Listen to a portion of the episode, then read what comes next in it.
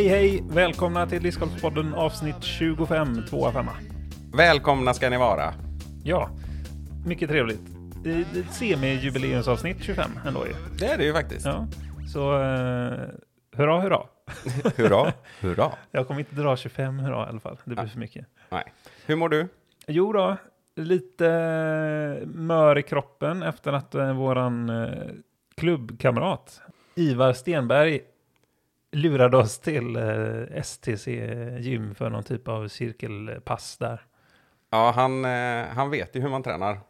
Det räcker att titta på honom för att förstå Ja. att han vet hur man gör. Och han satte oss i arbete. Ja, han är både stark och klok. Ja.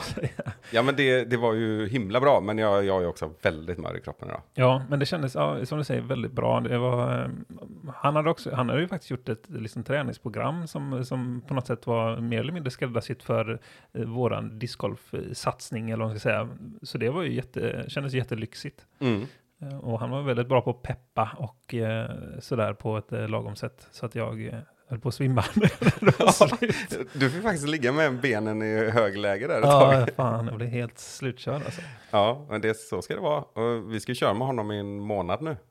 Ja, Så Det är skräckblandad förtjusning, men Ja. jag tror ju att det kommer, nästa gång tror jag kommer bli lika jobbigt, men sen så tror jag det kommer bli lättare och lättare så att säga. Så Ja, är det ju oftast. så kändes det för mig också. Just att eh, ja, det, var, det var riktigt jobbigt där ett tag. Mm. Alltså, den sista, eller tredje av de fyra momenten kan man väl säga, då var det ju tufft. Eh, Ja, vi skulle det- köra thrusters och eh, ja, spinningcykel mer eller mindre på eh, intensivt då i eh, x antal minuter. Mm. Ja, med två minuters intervaller liksom, skulle man hinna för att kunna hinna vila och så vidare. Mm. Och ja, nej, det var, det var mjölksyra. Eh, Det var det. Men det var som sagt, det var roligt. ja, Så det kommer vi försöka satsa på eh, i snitt en och en halv gång i veckan kanske, eller något. ja, första månaden i alla fall. Mm. Jag kommer nog fortsätta alltså. Ja, jag hoppas det. Eh, Sen kommer det vara svårt att göra när säsongen kickar igång på riktigt och då, så då får det bli liksom fokus på discgolfen för min del i alla fall. Ja, för min del är det lite annorlunda. Jag kommer nog behöva köra på ganska mycket det här året med tanke på Mm. hur jag har haft det fysiskt. Liksom. Ja, Eh, Så min tanke är ju lite grann att, att träna igenom hela säsongen. Och att egentligen så tränar jag för 2023 typ. mm. Fast har en säsong. Och sen, sen, det här är ju lite, ja det är ju kul att prata om. ja, Ja. absolut. Nej men och jag har ju liksom ett längre mål att 2025 ska jag ha ett fantastiskt discgolfår. Mhm. Eh, då fyller jag 40. Ja, det är coolt. Ja, då får jag spela master.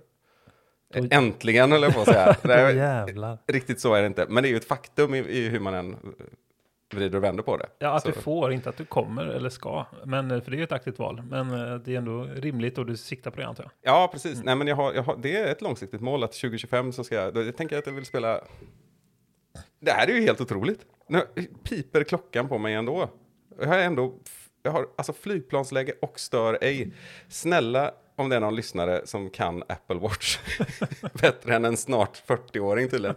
Eh, nej, jag är ju faktiskt inte ens fyllt 37 än. Men, eh, nej, men 2025, att jag tänker att jag vill spela Master-VM. Mm. Ja, det var kul. Just det. Eh, antar att jag får åka till USA för det. I detta fallet så hoppas jag att jag får Ja. åka till USA för det är en lite långsiktig plan och det blir roligt. Mm. Ta med familjen, åka några veckor och så vidare. Men också att det inte krockar. För där finns väl, där känner jag ju ändå att jag har en, som mål att spela master i EM också. Då får jag ju två sådana mästerskap. Ja, precis. Och NTN typ eller sådana saker kanske också. Ja, om jag inte känner att jag vill spela Open då. Nej, nej precis. Det behöver kanske vilken, vilken nivå man känner att man ligger på kontrafältet. Lite sådär antar jag kan spela in. Ja, nej men för min del, jag, jag vet inte om du brukar, men det brukar ju dyka upp sådana här frågor. Vad har du för mål för säsongen och sådär? Mm. Och jag brukar ha lite svårt att svara på det. Det är inte för att jag saknar målsättningar, men nu i det här fallet och i det sammanhanget och rent fysiskt och, och, och liksom discgolfmålsmässigt så är det enklare för mig att tänka långsiktigt. Med tanke på att jag hade ett sånt otroligt jobbigt år fysiskt. Och att liksom, jag tänker att om man tränar jag för 2023 och egentligen 2025 så kan det också ge ganska bra effekt över 2022. Fast Mm. det är liksom inte huvudsaken utan att det är långsiktigt. Och det här med ålder ska man ju, måste man också kompensera för tror jag. Ja, Jo, visst så är det ju. Sen är, känns ju du ganska så fysisk för din ålder och så vidare. Eh, Nu låter det som att du är jättegammal, det är du inte. Men, men eh, så jag menar det, det är väldigt stor skillnad på ens eh, fysiska ålder och ens faktiska ålder. Liksom. Mm. Även om du har dina krämpor så att säga, så är det ju inte just åldersrelaterade krämpor vill jag påstå. Nej, nej men sen, sen finns det ju annat också då som att jag har ju inte tränat riktigt. Alltså jag har ju tränat mycket får jag nog ändå säga, men, men det går ju att träna utveckla mer optimala träningsmetoder just för discgolf och sådär. Alltså Mm. jag har väl varit ganska dålig på den här explosiva träningen och så vidare. Mm. Eh, Jag gillar ju att ligga och mala på löppass och sånt där Mm. och det är ju knappt, jag, jag tror faktiskt man kan säga att det är nästan... Kontraproduktivt. Ja, Mm. ja Enligt vissa är det nog det i alla fall. Ja. Ja, och det fattar jag också. Men man vill, tränar ju det man tycker om och sådär. Men eh, Ja, det är bra i andra aspekter, liksom. att hålla hälsan är ju viktigt för discgolfen också. Så man kan, om man ser det så indirekt så är det ju ändå positivt, vill jag ju påstå. Men Ja. eh, det kanske inte liksom ger en bättre kastarm, om man säger så. nej, och, och apropå det då så kan man ju också tänka att eh, om man ser till styrkor, svagheter och även tar in ålder och sådär. I mitt fall så jag har ju aldrig varit någon långkastare.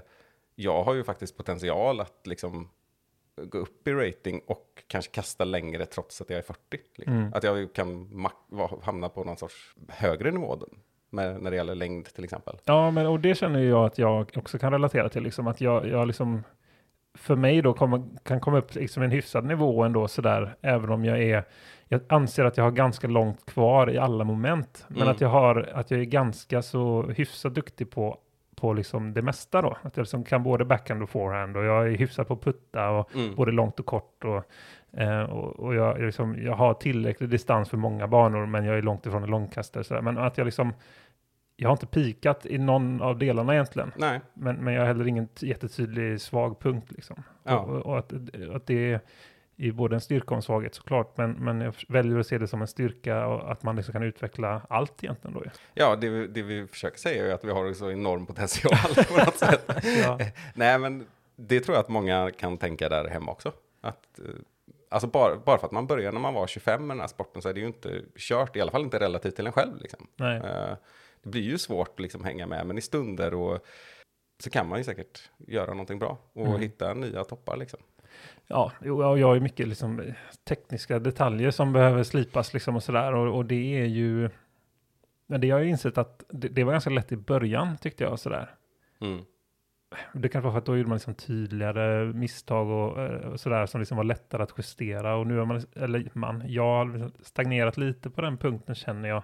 Att ja, jag vet vad jag ska göra men jag kan inte göra det längre än liksom sådär. Mm. Och det kan vara lite frustrerande. Men det är väl att jag inte har förstör, försökt tillräckligt kanske. Eller liksom använt rätt metoder och så. Mm. Och det, så det är svårt att ta sig tiden till att nöta på fält och filma och, och ha någon som höjer upp ens armbåge eller vad det nu kan vara då. Liksom. Det, det, alltså jag vet inte hur det är för dig, men det, ju, det känns som att det, det blir ju mycket en prioriteringsfråga också.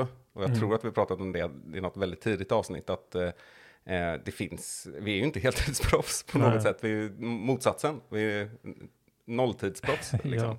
Och då, då får man ju prioritera, och jag brukar nästan slentrianmässigt hänvisa till någon sorts topp tre-lista sådär över vad jag behöver träna, och puttning har ju aldrig kommit, försvunnit från den listan någon Mm. vecka, Mm. något år överhuvudtaget. Och, då är, och där är jag också liksom prioriterat bort forehand. För att då vill jag träna upp det ordentligt också, framförallt fysiskt eftersom jag har haft problem då, som många säkert känner av att man lätt skadar sig. Mm. Jag har också tränat ganska lite på fält de senaste åren. Och det var ju också ett sånt där medvetet beslut. Jag hade gärna tränat på fält, men jag tyckte att det var ganska tråkigt ett tag. Mm. Och så valde jag liksom att stå och nöta på kanske lämpliga hål och variera mig lite. Och tyckte att jag fick mycket ut av det. Jag ska inte säga att det är bättre, för det är säkert bättre om jag också hade stått på fält. Mm. Om det hade haft tiden och vad det nu skulle kunna vara. Liksom. Det är lätt att det låter som ursäkter, men det är, det är faktum. Liksom. Mm. Och man får hitta sina egna sätt att hitta rätt träning. Mm. Och jag tror att om vi skulle ha ett avsnitt där man tipsar om träningssätt, vad det nu skulle vara, skulle jag, då kommer jag återkomma till det igen, att jag tror att det är ganska viktigt för individen att känna att det är kul, annars så tröttnar man. Ja. Annars så kommer man inte göra jobbet ändå. Nej, och har man exakt. då en begränsad tid och kan känna, som i mitt fall då, så valde jag, jag det finns ju inget facit om det har varit rätt eller fel, men jag har, blev ju bättre av att befinna mig på en bana och kasta vissa typer av kast och testa Mm. diskar och allt vad det kunde vara på bana istället för på en fotbollsplan. Garanterat inte lätt, rätt för alla och inte heller garanterat att det var mer rätt för mig, men Det Mm. var ju roligare och Ja. enklare att lägga tiden på. Lättare att komma iväg. Det är inte så himla svårt att komma iväg på discgolf, ärligt talat. Men det är kanske... Så här års kan det vara jobbigt ibland. Ja, det kan. Vädermässigt mest. Mm. Men eh, ja, så är det. Men eh, för, för att komma vidare här, vi kanske ska återkoppla en kortis till förra avsnittet. Det får vi göra. Jo, det var ju nämligen så att vi glömde nämna en av de nya reglerna som vi faktiskt hade tänkt att nämna Mm. i det här avsnittet där vi gick igenom regeländringar för 2022. Och då är det ju den här regeln med att man eh, numera får ta en meter relief från OB om man går OB åt vilken riktning man vill. Tidigare så skulle man ha vinkelrätt från OB-linjen då, eller 90 grader eller vad man nu vill säga. Mm. Och det kommer vi fram till dels en bra ändring. Ja, absolut. För det finns inga nackdelar som vi kan se det och det förenklar just det här att om det är en krökt eller böjd eller eh, inte helt spikrak eh, OB-linje Mm. så undviker man dels att hålla på och göra någon bedömning. Det är Ja, väl precis. ett. Var ska man liksom göra den här metern någonstans? Ja, vilken, vilken riktning är liksom 90 grader ut från en krökt linje. Och två, att man inte hamnar nära OB-linjen på ett annat ställe. Mm. Eh, Så att man har svårt att stå och sådär. Eh, Så det är väl eh, jättebra. Varför har det inte alltid varit så? Ja, nej, precis. Det är jättevettigt. Sen ska vi nog tydliggöra att den gamla regeln, eh, ska man säga, gäller ju om man inte går OB, då får du fortfarande ta en meter relief, Mm. men då får du inte ta den åt vilket håll som helst, utan då får det fortfarande vara vinkelrätt då, Bra. om jag har förstått det rätt. Mm. Så då har vi tydliggjort det. Mm. Sen har vi inte fått jättemycket eh, korrektur egentligen. Vi har fått några åsikter som vi håller på för att vi vill reda ut det lite. Ja, så kan man säga. Ja. Lite funderingar i övrigt. Men Ja. eh, annars så tror jag vi skötte oss hyfsat fall. Ja, det verkar så. Jag är faktiskt förvånad. Ja, exakt, exakt. Eh, men det är ju kul. Eh, återigen, vi ska fortfarande inte ta oss som facit, men eh, Nej, vi, Precis. det känns bra. Det känns jättebra. Ja. Något annat som känns bra är att vi eh, drar en jingel. Mm.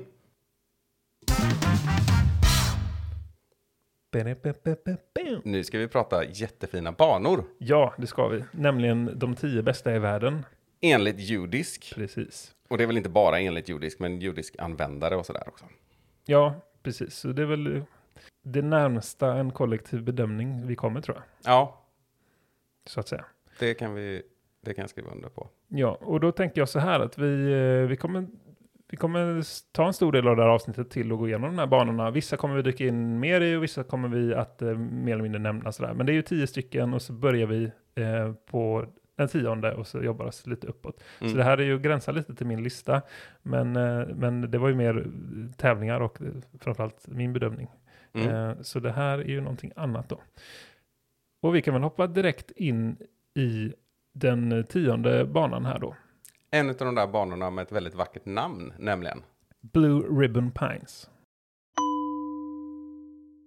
Den tog vi som exempel när vi pratade om de här fina amerikanska namnen på banor. Mm. Det är en bana i Minnesota. Kan man börja med där? Precis. Norra USA då. Stor delstat med mycket skog kan man väl säga. Och det genomskådar också den här, eh, eh, ja, den här banan. Stora ytor, mycket träd, 27 hål. Karaktäristisk också med det här eh, röda flisen runt korgar. Ja, just det, precis. Ja. Och det, jag vet att det här är ju en relativt ny bana, va? 2006. Så Ja, okej. det var väldigt relativt ny. Ja, men den är, då vill jag försvara mig med att säga att jag tror att den är relativt ny på liksom proffstouren och sådär. Ja, men det stämmer nog och den har säkert utvecklats som många andra successivt liksom. Nej, men jag har ett minne just av när, man, när jag såg den här om året då och liksom reagerade på. Och då var den här känslan just att den här vill man ju spela. Mm. Den, den står på listan över önskebanor Mm. att spela. Den ser rolig ut. Den ser, det ser ut som att vara en härlig miljö också. Ja, verkligen. Jag tycker det verkar också vara en sån här, alltså en riktig, alltså en riktig discgolfbana. Det, det känns som att det är ett sånt område där man kommer som en liksom, eh, jag brukar alltid vilja säga designated, men vad säger man där egentligen på svenska? Nej, men det är ett område som gör sig väl för en discgolfbana helt enkelt. Ja, Eller, och det är också till för det. Det är det du menar? Att Ja, men är, exakt. Att man, nu nu ja. kommer man till ett discgolf eh, ja, då kanske man vill säga, Mm. eller liksom en discgolfanläggning. Och det är liksom inte att det är, som man kan få en känsla av på många andra av de här banorna på Pro-tourerna till exempel, som liksom är inklämda hål mellan golfhål till exempel. Ja, Eller eller, eller eller sådär. Eller på platser där folk eh, sätter upp eh, picknickfiltar eller, och rastar hunden. Liksom. Ja, Och Eller- där utkastten är på eh, asfalterade eller betongblock som är gångstråk. nej, men precis. Eller för den delen det här hålet som vi har återkommit till många med på Ledgestone där, när man liksom ska kasta över en baseballplan. Liksom. Det, Mm. det är inte så mysigt. Nej. Så, Nej, Även det- om det kanske rent spelmässigt är ett helt okej hål. Inte så jag menar. Men... Nej, exakt. Och jag tror, att, jag tror att det kännetecknar, eller tror och tror, det är väl helt självklart att det kännetecknar de här banorna på en sån här lista som är så högt upp och, och väl ansedda. Att eh, det handlar inte bara om det speltekniska, utan det handlar väldigt mycket om omgivningen, intrycken. Mm. Även om det är ofrånkomligt att det måste vara speltekniskt bra. I Nej, någon bemärkelse också. Nej, men, och det tror jag att de flesta av oss, och kanske vi två i synnerhet, Mm. eh, njuter väldigt mycket mer av en bana om den är vacker och härlig att vara på. Ja, verkligen. Det, det väger mycket eh, för mig i alla fall. Sådär. Och för dig också skulle jag tro det. Mm. Mm, och där kan vi väl också nämna att den tävlingen som återkommande är, spelas på den här banan, om jag förstått det rätt, är den som kallas för The Majestic. Mm. Och eh, varje gång jag hör eller säger eller läser det namnet så tänker jag alltid på eh, Terry Miller. Vad han- vad han säger det på ett speciellt sätt. Jag kan, tror inte jag kan härma det, men det, The, the Disc Golf Guy. Ja, exakt. Och sen The Majestic. Nej, men han, han säger, han, det är liksom någon, det är någon stavelse som han liksom har en speciell uttal på när han liksom, när han säger det. Tänk på det nästa gång när, när jag hör han säga The, the Majestic. Fun fact, de har eh, priset här, det kostar 8 dollar för ett dagskort. 5 dollar för om du är student eller militär. ja, just det. Känns väldigt amerikanskt. Verkligen. Det är liksom student eller pensionär i Sverige. Ja, precis. Det, är som vi skulle ha så här, student eller, eller typ hem... Eh, Hemvärnsaktiv. Ja. Här sitter vi och skrattar. och så sker det upprustningar i världen. Ja, visst. Nej, men eh, jag håller helt med dig. Att Två man- vapenvägrare. så, ja. Pacifister. ja, precis. Ja. Var, det- var det inte Niklas Andersson som hade en sån god, eh, den här göteborgaren som, han kallar sig själv för medelmåttan från Hisingen. Mhm. Han är ju stand-up komiker då. Han som menar att man inte kan hantera kebabbuffé i ett berömt. Facebook-klipp. Precis. Kebabbuffé på lunchen. Här, vad är det han säger? Mellan, eh, mellan 11 och eh, 14 äter mycket raka. Jag menar det är ju för mycket fritid, på, eller för mycket frihet på för kort tid. Men eh, när det ska komma till var när, när han, eh, han var inne på och pratade om eh, när ryska militärflygplan hade kränkt svenskt territorium över Gotland. Och så hade, hade surprise, surprise Sverige ingen beredskap så att säga när, när det hände då. Och eh, så, så sk- skojar han om det här att man liksom inte, det tog flera dagar innan man skickade någonting för det var ju, så här, det var ju söndag och det var påsk och allt vad det var. Så. Men till slut så skickade man två JAS-plan och hemvärnet. Så, och så, så, så skojar han om det, hemvärnet liksom. Så här. Kan lika gärna skicka hemtjänst eller hemglass. det var så. God jämförelse. Åh, vad hemskt. Jag vågar inte säga att jag står bakom det, men jag skrattar. Och så här, hemvärnet, det är inte så att Putin darrar i knävecken eller något sånt sa han. Det kan jag nog hålla med om. Ja. Eh, hör gärna av er till oss med kritik. Det är helt okej. Är du med i hemjärnet så skrattar vi inte åt dig. Hemjärnet. Sa jag det? Det är, ju- det är också ett bra ord. Ja, det är när man har en speciell apparat som inte är tillåten. Ja, du tappar mig. Jaha, jag tänkte destillation och sånt hemma och ta lite järn. Ja, skitsamma. ja, nu fattar jag. ja, vi försöker vara lite mer Hembränt föräldrar. järn, Ja, det borde ju korrekt faktiskt. Rimligt. Ja, vi försöker vara lite mer familjevänliga i resten av avsnittet. Nej, men det jag tänkte på med Majestic, jag hade ju också en association. Mm. Det är eh, en karaktär i den fantastiska eh, författaren Zack Oh Yeah. Jävla gött namn. Ja, eller hur? Det är ju tyvärr en pseudonym. Ja, Han heter, nästan han heter, jag tror han, han är från Göteborg, men han heter Sakari Nuttiainen eller något sånt där. Eh, Också ett fem plus namn i och för sig. Ja, eller hur? eller hur? Ja. Han heter alltså Zack Oh Yeah när han skriver böcker och eh, han är väl journalist också tror jag. Men han är, bosa, han är en göteborgare med finskt ursprung på något sätt och bor i Bangalore i Indien sedan många år. Och liksom har skrivit dels här reseböcker och sånt där. Eh, och en jättebra biografi om Mahatma Gandhi, den bästa på marknaden. Gå och köp. Eh, nej, men han, han skriver också då väldigt rolig och absurd litteratur, eh, alltså romaner. här kommer ju tips. Och en av dem handlar om Mr. Majestic som är, eh, Ja, eh, den, bland annat den tropiska detektiven, heter den. det låter ju eh, bok. coolt. Ja, det är... Det är lite Fantomen över det hela. Ja, det är, det är verkligen inte. Det är, det är ganska mycket socialrealism i absurd form. Alltså det, är, det är misär. Mm. Och eh, alltså han, han jobbar väl liksom med att, att det är en ung kille som kallar sig för Mr. Majestic och är lite så här internetbluffare och det ena och det andra. Och så han, dras han liksom in i det här att bli någon sorts detektiv. Ja, Eh, och det är ganska brutala grejer. Så här. Men det är ja, boktipset i, i Discordpodden. ja, ja, ja, Mm, den tropiska detektiven. Det får vi skriva upp. Ja, Zack och yeah, det kommer alla ihåg. Behöver ni inte skriva upp. Nej, exakt. Men då tänker jag att vi hoppar vidare i våran lista. Nummer nio. Flip City. Just det. Och det är ju i mitt fall inget som klingar så jättevälbekant. Nej, inte för mig heller. Och det är ju det är ganska kul på ett sätt. För att det, tidigare tycker jag att det har varit väldigt här att det varit samma banor som har kretsat kring sådana här typer av listor. Och det är ju lite roligt att det är sån här eh, som dyker upp. Och det är inte så här att det här är en ny bana, för jag läser innan, innan till här att det här eh, invigdes ju redan 1980 den här banan. Som Mm. är, eh, ligger i Michigan då, vid de stora sjöarna. Vi är fortfarande uppe i eh, norra Mm, eh, USA. exakt. Jag har inte så mycket att säga om den, men den ser också vacker ut på bilderna. Och det är en, en, uppenbarligen en sån bana man väljer att fotografera just på i, i hösttider. När det är lite färgsprakande träd och sådär. Precis som med Maple Hill. Mm.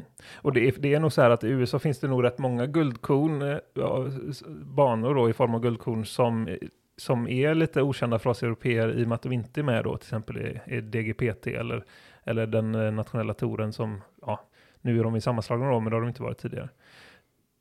Och det här är ju, eh, vill jag tro, en sån bana då. Det finns ju någonting som heter Flip City Open, men det är ju det är en sån, eh, eh, ja, ett mindre event liksom, som inte är en del av de här större tourerna då. Ja, och det är inte så konstigt. Det finns ju, det finns ju så otroligt mycket banor i Nordamerika.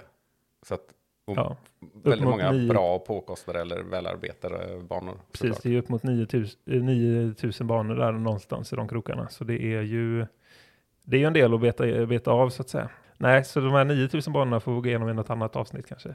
Ja, det gör det. Vi gör det. Men då hoppar vi vidare till bana nummer åtta. Och den heter inget mindre än Caliber. Vilket också är en liten ny bekantskap. Ja, jag har hört talas om det, men det är ju inte heller en sån som jag vill eller kan dra mig till minnes att jag har sett på YouTube liksom. Ja, just det, precis. Och vi rör oss fortfarande i norra USA, eller Idaho i detta fallet. Mm, ja, men det är ju strax söder om Michigan, vill jag tro.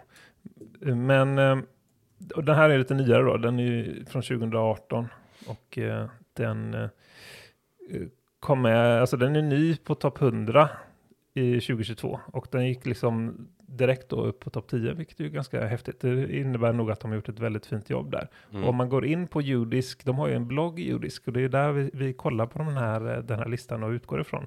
Så där kan ni gärna gå in och, och, och själv, eh, själva så att säga scrolla igenom och läsa om de här eh, banorna och, och kolla på bilder och, och sådär. Det, det kan rekommenderas för den som är, har det intresset så att säga. Sen måste jag vara lite jobbig och inflika att Idaho ligger faktiskt i nordvästra USA. Ja, just det. Jag kan blanda ihop det med Illinois eller något sånt där. Ja, precis. Nej, men för det, det ligger, det har samma södra gräns som Oregon. Och så gränsar det liksom mot Oregon, Washington. Mm, och så det, just det, Montana, just Wyoming i öst och väst. Så. Men det har du rätt i. Och har grä- en liten gräns mot Kanada alltså. Mm. Just det, ja, Det är men då är jag med på vad vi är. Det är väl en sån här riktigt eh, lågbefolkad stat tror jag i USA. Alltså, Ja, det är Typ mycket, här- mycket vildmark liksom. ja, ja, men typ så här två miljoner invånare och jättestor yta. Liksom. Mm. Ja, men exakt. Det dit, I all, all amerikansk populärkultur så är det så att man åker dit för att försvinna lite. Om man så måste gömma sig från Ja, maffiabossen, det. man eh, är skyldig pengar liksom. Men samtidigt så är det svårt att gömma sig eftersom det är ganska lite folk. Eller om man bara vill vara för sig själv för en stund. Ja, det också. Precis. Nej, men så den är också en sån här, eh, som, så det hade varit kul. Nu landar jag där igen, men det hade varit roligt om det var mer ruljans på banor på Pro Touren. Mm. Samtidigt, alltså jag, går ju, jag har ju turer där, samtidigt som jag kan verkligen tycka om den här, vad ska man säga, att, att skapa en typ av eh, tradition som, som binds till vissa tävlingar och vissa, vissa månader, vissa sammanhang och sådär. Mm. Eh, Så jag är väldigt tudelad där, men det, det finns ju någonting eh, fint att det ska vara liksom så här klassisk mark, att här har vi alltid tävlat då, så, ja, man ser framåt i tiden också liksom. Mm. Men samtidigt som jag tycker att det ska också förnyas liksom. Eh, Så jag vet inte vad, vad, vad jag vill komma med det, i och med att jag själv inte har landat i mina egna tankar. Men Nej, och jag delar ju dem helt och hållet. ja, Alltså, jag gillar ju att det är lite sådär, att, alltså, man skulle kunna ha den här fasta punkterna som i tennis, liksom. Mm. Grand Slam, fyra stycken, det är alltid samma. Eh, det jag kan säga är väl att det är väl gött att det finns utmanare så att eh, duger inte och inte banorna utvecklas så finns det andra som kan hoppa in.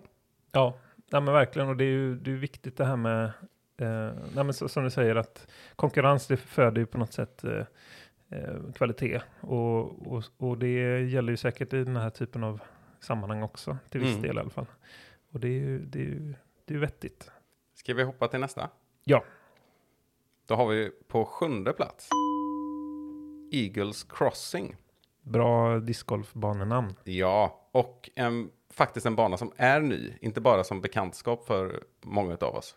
För det var ju tävlingar där i alla fall förra året, som, och det blev ganska uppmärksammat, många designer och lösningar på banan. Ja, det här är ju en sån bana som av de nya som, som många känner till tror jag. Den har också varit med på eh, Simons, eh, alltså Lisotts eh, vlogg channel så att säga Mm. på YouTube.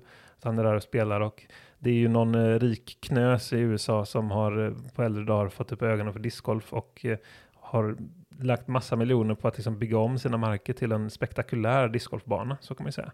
Och det är ju till exempel det här signature-hålet som, som, som vi kan se på, på bloggen här med den här stora eh, pyramidliknande eh, greenen då, med, Mm. med en korg på. Och sen är det fontäner och det är, jag minns att det var eh, vattenfall och allt möjligt och, och byggt liksom stora greener och stora tior och ja men det, det, det är en häftig satsning.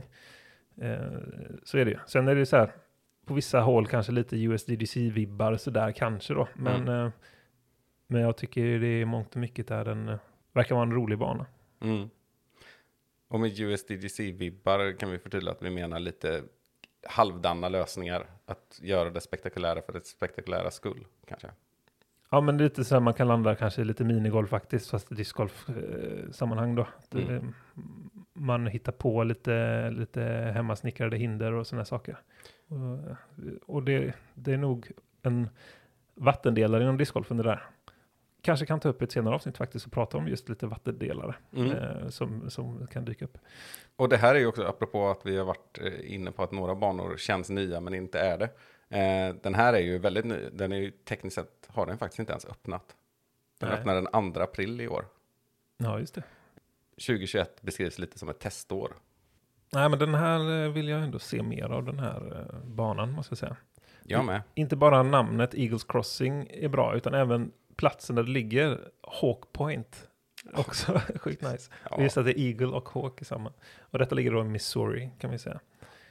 Vi hoppar vidare till plats nummer sex. Brewster Ridge. En bana vi pratade om alldeles nyligen också.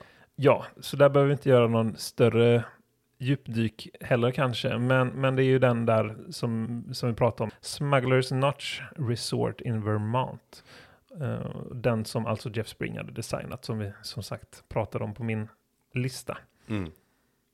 Och eh, där VM hölls 2018 och kommer hållas 2023. om jag minns rätt. Precis, exakt.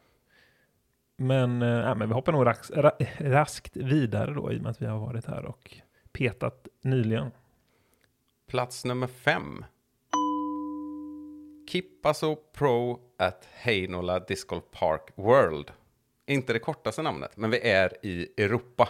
Äntligen! Ja, Vi behöver ju jobba oss uppåt på listan för hamnare. ja. eh, vi är såklart i Finland, i Heinola. Ja, eh, alltså vi måste, vi kan inte bara släppa det där namnet. Nej, Det är, det är ju ett minus här kan jag tycka.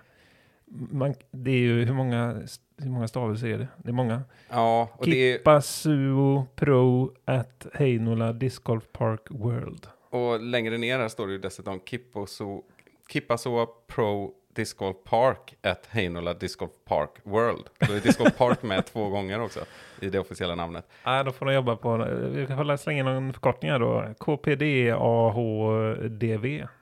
Lät inte så mycket bättre. Vi Nej, det. särskilt inte som du får säga W på slutet också. Nej. Eh, nej, men eh, Kippaso, Heinola, Finland. Det är väl skönt att Finland får lite bättre banor uppenbarligen. Vi, jag, jag har ju spelat i Finland, men väldigt begränsat. Och, Ja, samma här. Men det vi har märkt av är ju, på, dels på de här jordisklistorna efter- under flera år, att det finns otroligt mycket banor i Finland. Det finns väldigt många bra banor, men inte riktigt de här toppklassbanorna. Nej, lite kvantitet före kvalitet har det varit känslan, ja. Eh, Men som sagt, det verkar som att de aktivt jobbar, inte bara för nya storsatsningar som eh, men exempelvis eh, Tampere är en sån som man liksom från grunden ska göra till en, eller vill göra till en sån här top notch-bana. Mm. Men, men som den här då, den här måste ju ha genomgått någon typ av utveckling med att den hoppat från 77 plats förra året till femte plats i år. Det måste innebära någon typ av aktivt arbete i alla fall. Mm. Det är inte bara en slump. Ehm, så det är ju kul att se. Och den här är ju då designad av, eh, som, vi, eller som jag tolkar det, lokala förmågor tillsammans med då, vi, det är ju Disc Golf Park två gånger i namnet som Ja. sagt, så det är ju De, via, de har ett finger med i spelet. precis, och det är eh, alltså, för de som inte känner till det, Disc Golf Park är ju Disc Banedesign-sidan av företaget Discmania kan man säga. Ja, Eh, och Pasi Koivu i detta fallet. En gammal storspelare, får man säga så? Han är väl allra högst glad, eh, nej, han är väl inte så aktiv kanske, men han, han, det är inte så länge sedan han var en Nej, absolut gammal toppspelare i storspelare Europa. är nog rätt, eh, och, och rätt hylla och, och lägga honom på. Ja, han är inte så himla gammal och han spelade nog säkert en Presidents Cup i Europalaget, eh, alltså 2015. Ja, det är möjligt. Alltså, Det är lite samma garde som eh, Ville Pippo typ. ja, Ville Pippo är nog både äldre och mer avdankad, eller på säga. Ja, det det, kanske är här, så ändå. det är han ju faktiskt inte. Jag är inte efter att ha sett honom på EM i sommar, men eh, nej, det ska vi inte kalla honom alls. Men eh, nej, Pasikoivo har en yngre aura kring sig. Ja, okej. Mm, fair enough. Men Ville Pippo är ju också, eh, också ett femplusnamn för övrigt. Ja, det, är alltså, det, det är nu vi får ta fram de här bliperna igen, men det, det är ju svaret på liksom frågan vem är Finlands kåtaste discgolfare. Liksom. Ja, men det har varit Pippa möjligtvis då. Men han, eh, Ville Pippo är ju en för detta spjutkastare, va? Ja. Så han kastar väl sådana här eh, Tomahawks, typ 120 meter. ja, och här ska vi ta med någon, eh, vi ska passa på nästa gång vi har någon sån här eh, gammal räv som har spelat mycket med eh, för att höra de historierna, för det finns ju sjuka historier, jag har hört dem så många gånger. Det behöver inte vara någon gammal räv, det kan Ja, vara Anton Lind. Källström Liksom. kan också vara till exempel Marcus. Ja, och Christian Bengtsson och Mm. Ja, många som skulle kunna dra sådana historier. Och man har hört galna grejer. Så det är ju 120 meters hål med 50 meters tallar och han kastar över alltihopa och så vidare. Ja. eh, men han gör ju inte det längre. Mm. Han, kroppen klarar inte det. Nej, jag kan tänka mig att det tar något förbaskat alltså. Ja. Och han kom ju ändå tvåa i EM utan de där kasten. Mm. Så han, han eh, duger ju även utan dem. I MP40 ska man säga. Då. Ja, precis. Ja, exakt. Ja, nej, men då fick vi mellannamnet bland, i, hos två finska semilegender åtminstone. Mm. Mm. Det var ju för övrigt väldigt rafflande på EM när det avgjordes där i Pro Masters. Det var Carl-Johan Nybo som vann före Ville Pippo. Mm. Ska vi nämna att Anders Svärd tog bronset, för er som har glömt bort det. Christian Mm. Bengtsson på femte plats, inte så nöjd, men han är duktig. Ja. Eh, nej, men det stod ju mellan eh, KJ Naibo, som han kallas, och Mm. Ville Pippo inför sista hålet. Ett par fyra hål som inte var så himla långt. Det förväntas ju fortfarande vara gubbar detta. Som var, Ja. ja. Nej, men eh, det som hände var i alla fall att Carl-Johan Nybo körde en väldigt snygg roller, hamnade 15 meter från korg på, från utkastet och satte då igen. Men Pippo hade en enkel birdie Mm. och satte igen för vinst med ett kast före Pippo. Ja, det Tog är guldmedaljen. häftigt med sådana rafflande avslutningar så att säga. Ja, Men hur, du säger att hålet inte var så långt. Det var ju knappast 90 meter. nej, måste men det var 130 i nog... alla fall. Eller? Ja, det var nog bara 130. Mm. Och, Vilket är kort för ett par fyra på den nivån, absolut. Men och lite, lite uppför i början och en relativt skarp sväng. Men jag menar, du och jag hade kunnat lägga oss för en långputt. Mm. Eh, Cirkel så- två om man har tur typ. Ja, Mm. sen kunde det hända saker på vägen. Annars hade det varit dåligt hål. Det var ju ett bra hål såklart. Ja, ja men jag fattar. En, liten tweener, tweener-håll kanske. Ja, alltså i- ingen som spelade EM där ville ju missa birdien. Nej. Det är svårare än så var det ju inte. Men det, var ju, det, är ju, det är ju också kanske en bra design, ett par fyra hål som det också går att pressa ut det där just Mm. på sista hålet på en hel turnering. Att ta ja. igen. Ja, det kan jag ändå eh, uppskatta också faktiskt. Ja, det blev ju väldigt snyggt. Det här har ju, jag var ju faktiskt där och jag filmade det. Så det, det här kan vi ju lägga ut. Ja, det är bra. Mm. Det, det får ni söka er till vår Instagram här. Ja. Det är ju faktiskt så att vi har ju fler lyssnare per avsnitt än vi har följare på Instagram. Det Ja. kan vi avslöja. Så det betyder ju att ni behöver följa oss, eh, ni som lyssnar här. Ja, gör det. Vi, vi ska försöka lägga ut massa goda grejer och koppla ett lite till podden framöver. Mm. Så det, det är lika bra att gå in och följa nu. Ja, ni är välkomna. Vi hoppar vidare. Det är väldigt vad jag ska hoppa idag, men eh, det kan vara ett bra uttryck. Mhm. Vi går vidare då, till nummer fyra på listan. Vi stannar kvar i Europa till vår stora glädje. Och till vårt andra grannland, den här gången väster. Nummer fyra alltså. Överås. Och det är ju lite roligt, för den här är ju också en sån bana som har varit utanför topp 100. Men först i år kommer den helt plötsligt då och nafsar på pallen så att säga. Och det är ju roligt. Vi är Västernäs i närheten av Sula Open-område har vi lärt oss. Men det är alltså inte den banan vi pratar om här, utan det här är en, en annan bana som heter Överås discgolfpark. Disk med K kan man diskutera.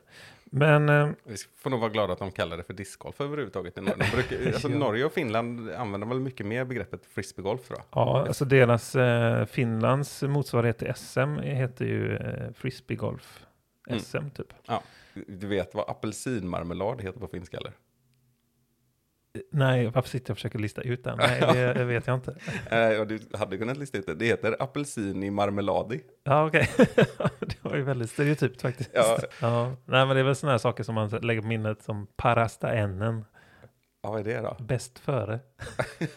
ja, just det. Ja, jag vet det när du säger det. Ja. Precis. Men det mest klassiska är ju ändå Asa Peite. Ja, får ej övertäckas. Ja. Ja. Det måste ju 90% känna till, tänker jag. Ja, men det, kan, det där kan vara en generationsgrej också. Kanske det är. Det är inte alla som haft den typen av element om. Nej, elementutvecklingen har ju också gått framåt. Ja. Det är vi som är 80-talister Ja, som... fan, vi har golvvärme. Ingen står över hela golvet, elelement så som man inte får hänga strumporna på. Det är roligt om så stod Asa Peite på hela så här, pa- parketten, vardagsrummet. ja, det är rimligt. Vart var vi? Finska uttryck. Ja, just det, för vi var ju i Norge. I Överås. Nej, men det är ju, det är ju verkligen mer eller mindre, om det inte är så, eh, grannkommun till Ålesund, Langevåg, där Sula Open är. Ja, och är man här på den, längs den norska kusten och, och, eh, och, och gränsar till de norska fjordarna och så vidare så är det ju den här inramningen som vi pratade om tidigare, den är ju där. Mm. Det är ju fantastiska vyer. Jag har ju sett, eh, faktiskt konsumerat en hel del eh, norsk discgolf på YouTube. För den som inte känner till det så finns det faktiskt en del kanaler att, eh, att eh, glysa på där. Eh, och eh, det här finns ju ett par signature holes, bland annat ett med, jag tror det är hål 18 som har en eh, traktor som de har satt upp korgen på, så det blir en liten upphöjd korg då. Och Mm. det är ju inte vilken traktor som helst, utan jag tror att det är en grolle, vilket är väl traktorernas traktor. Ja, då, det, det, det verkar finnas eh, element i det hela som gör att plojet kan ursäktas kanske. Ja, Mm. men faktiskt, för det liksom smälter in i den här landsbygdsmiljön på något sätt. Så det, det, det är liksom inte inköpt för... Eh, alltså jag, tror, jag tror att traktorn stod för korgen om man säger så. Mm, ja. Nej, Eh, och ingen av oss har ju varit där. Man får ju klämma in också att banans nickname, som de säger, är Ragnarök. Ja, bra, bra namn ändå. Ja. Och det, det som är lite problematiskt med de här, när vi satt och pratade också, det är ju att de är ganska otillgängliga alltså. Det är ganska, det är ett Mm. mäckeri att ta sig till eh, Langevåg, Ålesund och Överås. Fågelvägen duger inte som mått liksom. Nej, det sig det verkligen inte, tyvärr. Och det ligger ju för våran del också då relativt, det, det är ju i, nästan i södra halvan av Norge i nord-sydlig riktning i alla fall. Men det är väl höjd med Östersund ungefär. Mm. Just det. Så det är nog ett häftigt utflyktsmål, men, men det är inget man eh, kör över, eh, på en eftermiddag så att säga. Nej. Inte ens om man bor vid norska gränsen. Nej, det tar någon stund från eh, Östersund och Åre också kan jag tänka mig. Ja, så är det nog. Nej, men den får ni, får ni kolla in. Det finns ju ett, eh, ett, jag nämnde att det finns två signature hosts, det finns säkert fler, men, men det andra jag tänker på är det här eh, där 10 är på liksom någon slags trätorn som, som är uppbyggt och så ska man kasta längs liksom eh, ja, men längs en fairway som är lite av en väg också. Sen, sen liksom korsa ett, eh, ett stort, eh, en stor mandoport som är liksom uppbyggd som också någon typ av fort eller sådär. Eh, Så det, det är lite, så här häftigt eh, kan man väl säga. Sen när man kollar på, på det hålet så känns det så här, ah, som vi har diskuterat ibland också, hade man behövt det där mandot? Det ser ut som det är ett jättefint naturligt mando där. Ja. Men å andra sidan då kanske det hade blivit många så här heiser bombs och sånt och det kanske man vill undvika. Så jag kan förstå det också. Ja, det, är- det är svårt att säga om man bara tittar på bilder. Så jag, jag förhåller mig också försiktigt till det. Ja. det. Det är vackert på sitt sätt i alla fall. In och kolla på More Disc Golf tror jag den heter på YouTube om ni vill eh, kolla på den här banan. Vi hoppar vidare till nummer tre. Hillcrest Farm. Mm. Och nu är vi i ytterligare en nation. Även om vi är i Nordamerika. För det här är i Kanada. Ja, just det. En av deras mest kända banor måste det ju ändå vara. För det, det namnet eh, klingar väldigt bekant. Ja, jag tror väl att det är här vi har sett, eh, det är väl öppna kanadensiska mästerskap och sånt som spelats senaste åren. Och Nate 16 är gärna med. Ja, ja men precis. Och Lisotte brukar också vara med på de där. Han är ju halvkanadensare har jag fått för mig. Vi har diskuterat det innan och så att han var halvamerikan. Men jag tror att han är halvkanadensare. Ja, det är kanadensiskt påbrå och jag kommer inte ihåg exakt hur det är. Om det var, jag tror Jag tror, det är pappa, jag tror det är pappa som är kanadensare och mamma som är tysk. Men, men jag är inte helt säker. ja, och så kan det vara så att pappan är eh, född i Tyskland men har Ja, kanadensiska det föräldrar eller något sånt där. sånt där. Ja, Mm. Han har ju ganska mycket släkt där och sånt har vi sagt också tror jag. Mm. Men det ligger ju ganska häftigt också, i alla fall om man tittar på karta. Det ligger ju längst ut i östra Kanada. Alltså ute i New Brunswick där, alltså mot Atlanten. Just det, till. mot Nova Scotia då typ, eller den här stora ön. Ja, det är väl åt det hållet i alla fall, Mhm, fast mm. söder om, liksom närmare USA. Så. Eh, Bonshaw gissar jag att Mm, just man säger. Prince Edward Island, så ligger Ja, på men en det är väl också. i krokarna av eh, Leif Erikssons eh, settlements. Mm. Alltså vi- vikingen som var där Ja. innan Columbus. Hur som helst. Nej, men som du säger, det, där har spelats eh, Canadian National som spelas där åtminstone 2019. Där, eh, och mycket riktigt, eh, på feature card hade vi 16 Lisotte och såklart Gilbert som är ju kanadensare. Mm. Och eh, James Conrad var med då också. För mig att det där var att det sista rundan ställdes in på grund av någon storm, om jag minns rätt. Mm. Så det är kul med ytterligare en nation på topp 10 också. Mm. Och intrycket den här banan har gett mig i alla fall, det är ju att den är väldigt så här, kuperad. Och det är ju den här tjocka eh, barrskogen på Ja. något sätt. Ja, men precis, exakt så. Och så navigera fairways både på längden och tvären på något sätt. Mm. ja. Mm. Det är lite speciellt. Då lämnar vi eh, The Maple Leafs i, i, em, och hockeyklubbarna i Kanada och så tar vi oss återigen över Atlanten till den bana som många har nog lärt sig att älska utan att vara där. Nummer två på listan. Krokhål. ja, och det här är ju faktiskt nästan i våra hemtrakter Simon. Ja, det kan man faktiskt säga. Hade det inte varit en landsgräns emellan så hade det känts väldigt lätt att åka dit. Mm. Av någon anledning så är det ju så att det ofta känns som att det är längre då. Bara för att man ska korsa någon typ av eh, gräns. Men detta ligger ju alltså då i Oslo-trakten. Och är ju, som många kän- känner till då, en, en eh, nedlagd eh, traditionell golfbana till en början. Som man då har omdesignat till en discgolfbana då under 2018. Och successivt utvecklat framåt framåt. Och den har ju, eh, den har ju också gått ett steg längre i år från att vara topp tre, eller den var helt enkelt på tredje plats 2021 och är numera på andra plats då. Siggerud har ni säkert hört talas om också. Det är alltså där den ligger, alldeles utanför Oslo. Mm. Och det är ju bara, för oss är det faktiskt under tre timmars körtid dit Simon. Vi kan göra en dagstur dit nu när gränserna öppnats också. Ja, jag vet. Det måste vi faktiskt eh, boka in och kanske också ja, men filma lite och, och på något sätt eh, få in i, i poddsammanhang. Det hade varit roligt. Mm. Jag har redan tänkt på detta. Jag tänker Mm. vi borde faktiskt eh, ta med oss och eh, prata med dem. Ja, kanske någon av dem som har eh, designat Lars Zombie eller Ola Kolle. Mm. Det är ju trevliga personer, i alla fall Lars Zombie. Jag kan inte säga att jag känner, men har träffat på. Mm. och sådär. Eh, Så han ska nog vara, han ska nog vara möjlig att prata med tror jag. Han, han är ju också en sån som kan dyka upp på lite svenska tävlingar här och, här och var och då och då. Mm.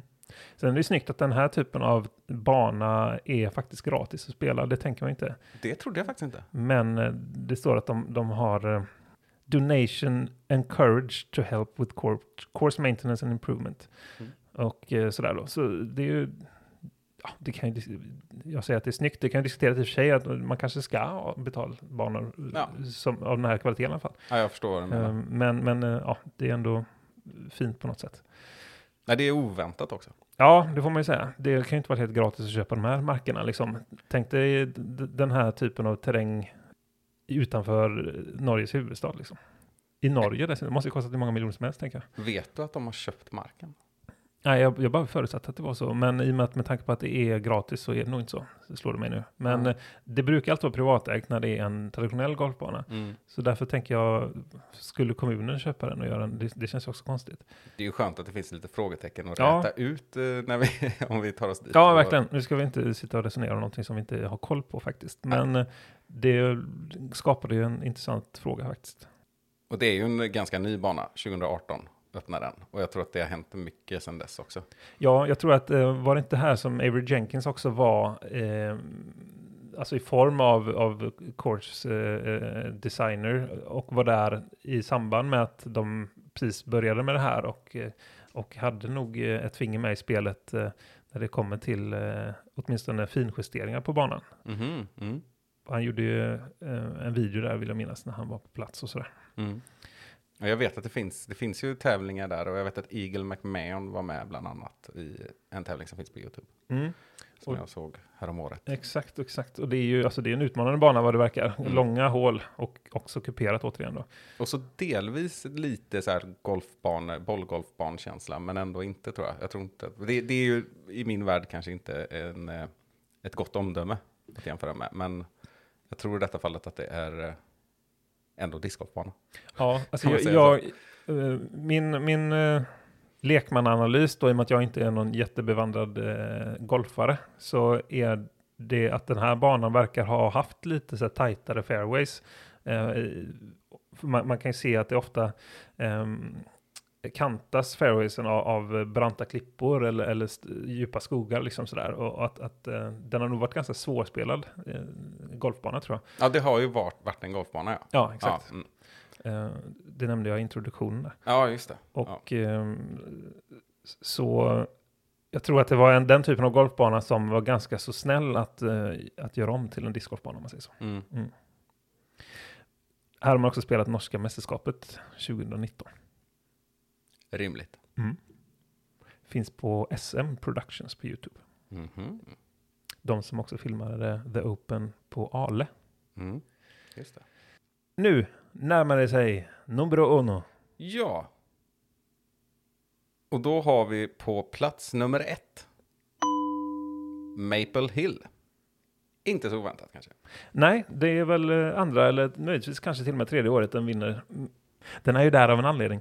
Ja, nej men jag tror att det är andra året i rad. Jag tror att för två år sedan då så var det ju Järva som petade ner den på andra platsen. Och det är väl de tre åren de har gjort en sån här lista va? Jag tror inte det har funnits innan. Nej, det, det är nog så. Ja, Mm. så Jag har tänkt på det där för att eh, förra året var det väl då som de eh, hade de tagit bort Ale och Järva från listan. Men jag har tänkt på det, Järva borde väl ändå vara med i resonemanget nu igen liksom. Ja, men det är väl en blandning av eh, användargenererade röster och det ena och andra. Jag tror ju att eh, alltså, topp 10 är ju tufft att vara med på. Så att det, Ja, men- nya Järva har nog inte den... Eh, Nej men det är möjligt, men, men jag tänker att det som de utgår från är väl liksom, eh, som du säger, det, det är väl eh, antal stjärnor på jordisk typ. Och eh, där ligger de ju fortfarande väldigt högt. Eh, ja, men har de, har de högre än 4,6, 4,7 kanske? Jag har ingen aning. Ja, för mig det. Ja, hur som helst, vi Ja. får, får slutföra det här resonemanget i ett senare skede. Ja, Och Maple Hill har vi pratat en del om innan också.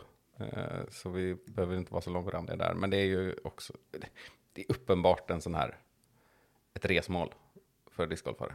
Mm. Ja, men det är det. Och du har ju varit där. Jag har varit där, jättemysigt. Helt, helt klart. Nej, så vi får väl säga grattis till Maple Hill då. Ja, det gör vi. Ni vann. Guld igen. Ja, ja, men det, var, det känns som en vettig, vettig lista tycker jag. Eh, är det någon så här, bara på rak arm som du känner du saknar där? Vi nämnde Järva lite kort, men någonting annat? nej, egentligen inte. Vi, det är väl att vi pratade om de eh, som ligger i Oregon och Mm. hyllade dem lite. Men det är ju också genom tv-skärmen på något sätt. Vi har ju inte varit där. Nej, Eller exakt. Ja, men det förvånar mig lite också att, att, eh, att liksom Beaver State flingområde inte var med så mycket. Och även... Eh, eh, alltså det är tråkigt att ingen svensk bana är med. Om man tänker Skellefteå. Eh, hade väl kunnat vara där och nosa. Mm. Men det hänger säkert också ihop med det vi har pratat om innan, att eh, Skellefteå borde ligga högre på alla listor. Men det är, av olika skäl så är det nog inte tillräckligt många som spelar där. Nej. Nej, och säsongen är väldigt kort och de har tagit så många stora tävlingar och så vidare. Och så vidare. Det Mm. finns säkert förklaringar. Men man hade önskat att den var med på något sätt. Mm. Men den skulle absolut kunna vara det. Mm. Ja, men vi, nästa år då kanske, det blir Skellefteås år, för nu kommer det ju vara SM där till exempel. Och, eh, så, även om det inte blir någon, eh, någon Europatour eller sådär, så, så kanske det ger eh, någon typ av skjuts i alla fall. Mm. Jag tror inte det går någon nöd på dem där uppe heller, ska vi säga. Men Nej, nej det gör det nog inte. Men eh, publicitet är ju alltid trevligt. ja, Och det är kanske är det som eh, hade behövts då, i och med att det ligger lite, lite off då för vissa i alla fall. ja, för en större delar av världen, höll på att säga. Ja, ja det gäller i och för sig Maple Hill för vår, för vår del också. Ja, jag tänkte säga, alla banor är ju långt från någonstans. Exakt. Nej, men det är väl, jag tror, ja, återigen, jag tror ändå att det, det spelas förhållandevis, förhållandevis lite i förhållande till andra banor i Sverige. Mm. Eh, trots sin position. Ja, nej men absolut så är det ju. Men jag, jag tror inte man ska underskatta vikten av en sån här lista. Judisk är ju liksom en av de absolut största discgolfplattformarna vi har. Liksom. Och eh, jag tror många kollar på såna här listor. Och eh, att även många amerikaner konsumerar såna här listor. Och då ser de, ja, vilka är det som är med här? Det, det är Norge och det är Finland om man ska till Europa. Liksom. Ja. Och det är ju där vi har liksom landat de senaste åren. Att det, det är också rent eh, faktiskt där proffsen har landat så att säga. När de har, när de har flugit över. Ja, men och det är ju också, som du sa, det är ju det verktyget vi har för att mäta på något sätt, eller den eh, kvalitetsstämpeln som finns. Mm. Och det får ju en status, och man märker det också att Järva har ju också kallat sig för världens bästa discgolfbana av den här, det här skälet att de var etta på den här listan. Det är ju Mm. därifrån det kommer liksom. Så att man, man ser ju det som, en, som ett hedersbetyg såklart. Mm. För det är ju klart man ska göra det. Ja, ja, visst. Nej, så det, det, jag tror att man ska liksom försöka sträva efter att komma med där, hur man nu gör det. Eh, Hur man nu gör det. Det är väl bara att försöka göra ett så bra jobb som möjligt med sin, sin bana där man är aktiv, så att säga. Mm. Men ehm, vi får hoppas att det blir mer eh, svenska banor som närvarar på den här listan framöver. Um, anledningen till att ta upp den här listan nu för övrigt är för att den faktiskt precis färdigställdes. Eh, vi spelar in det här samma dag som det färdigställdes, vill jag minnas. Eller Mm. vill jag tro. Så, så det kändes ju ganska aktuellt så. Även om det blir lite en barnlista på barnlista här så Mhm. kan du nog leva med det.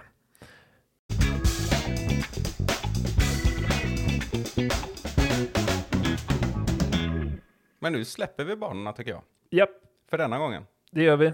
Och så ska vi väl egentligen börja runda av lite här. Men eh, en eh, liten sak som vi ska hoppa ner i här innan vi stänger butiken för idag är den här eh, utmärkelserna som också är aktuella för stunden som eh, Mattias Nilsson så snällt har delat i våra forum på, eh, på internet.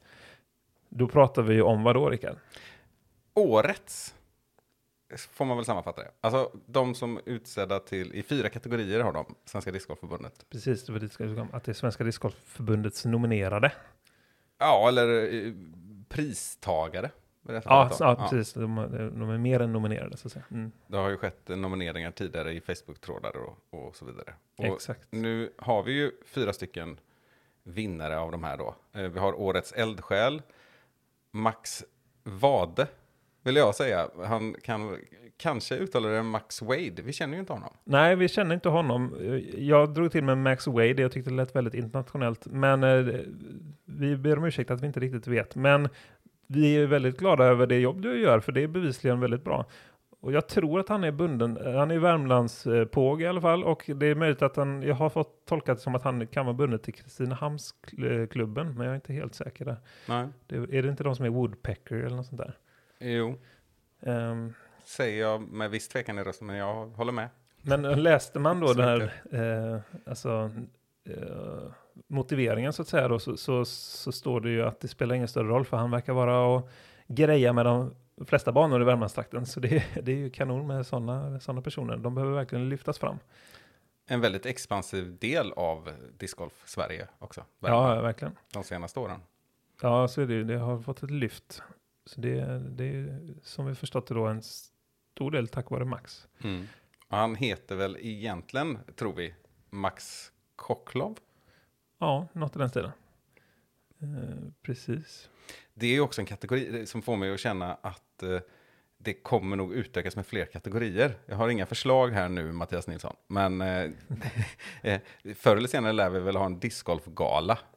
Ja, och då behövs det ju fler kategorier. Och jag har tänkt på det varje år nu, eh, sedan det här startade för några år sedan, om jag inte minns fel.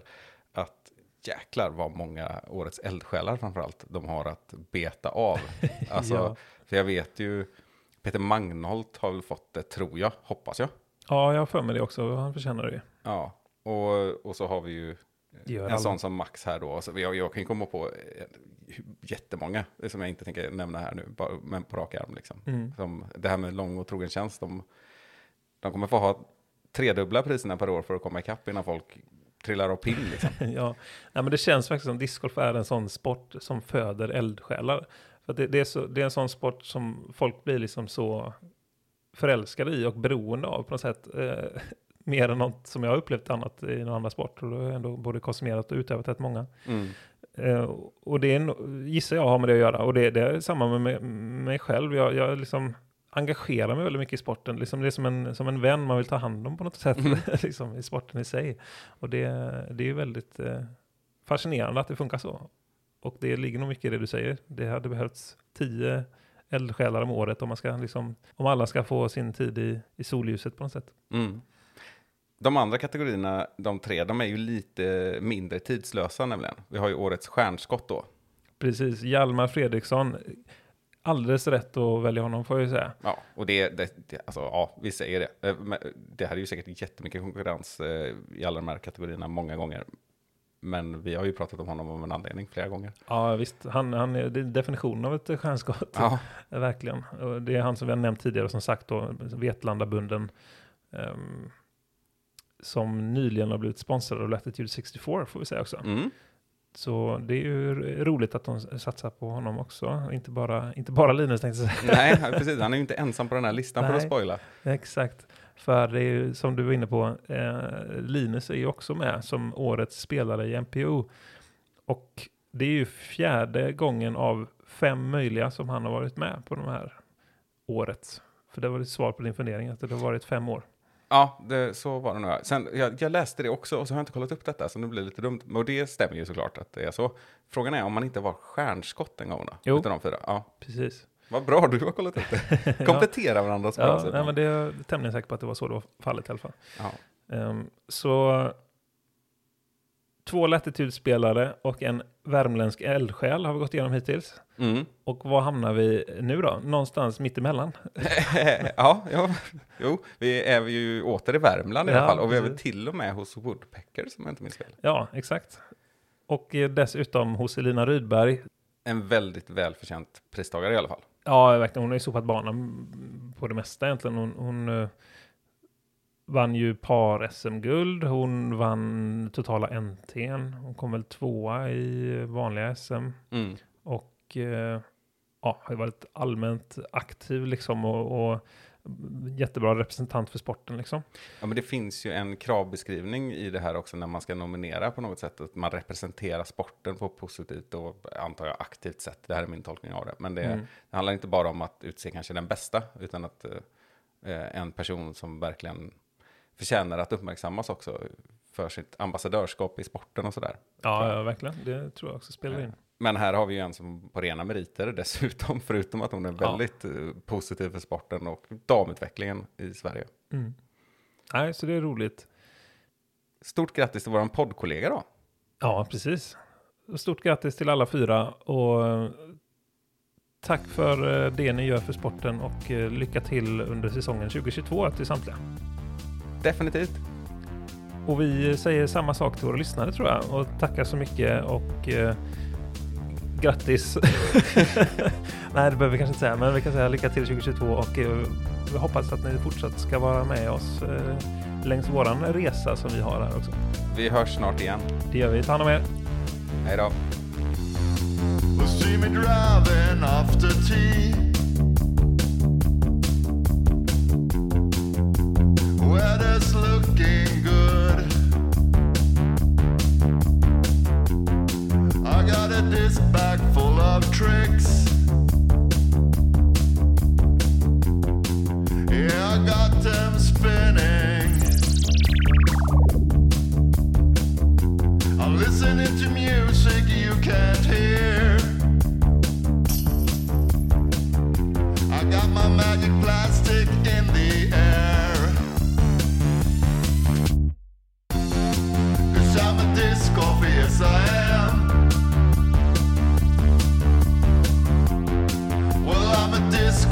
yes I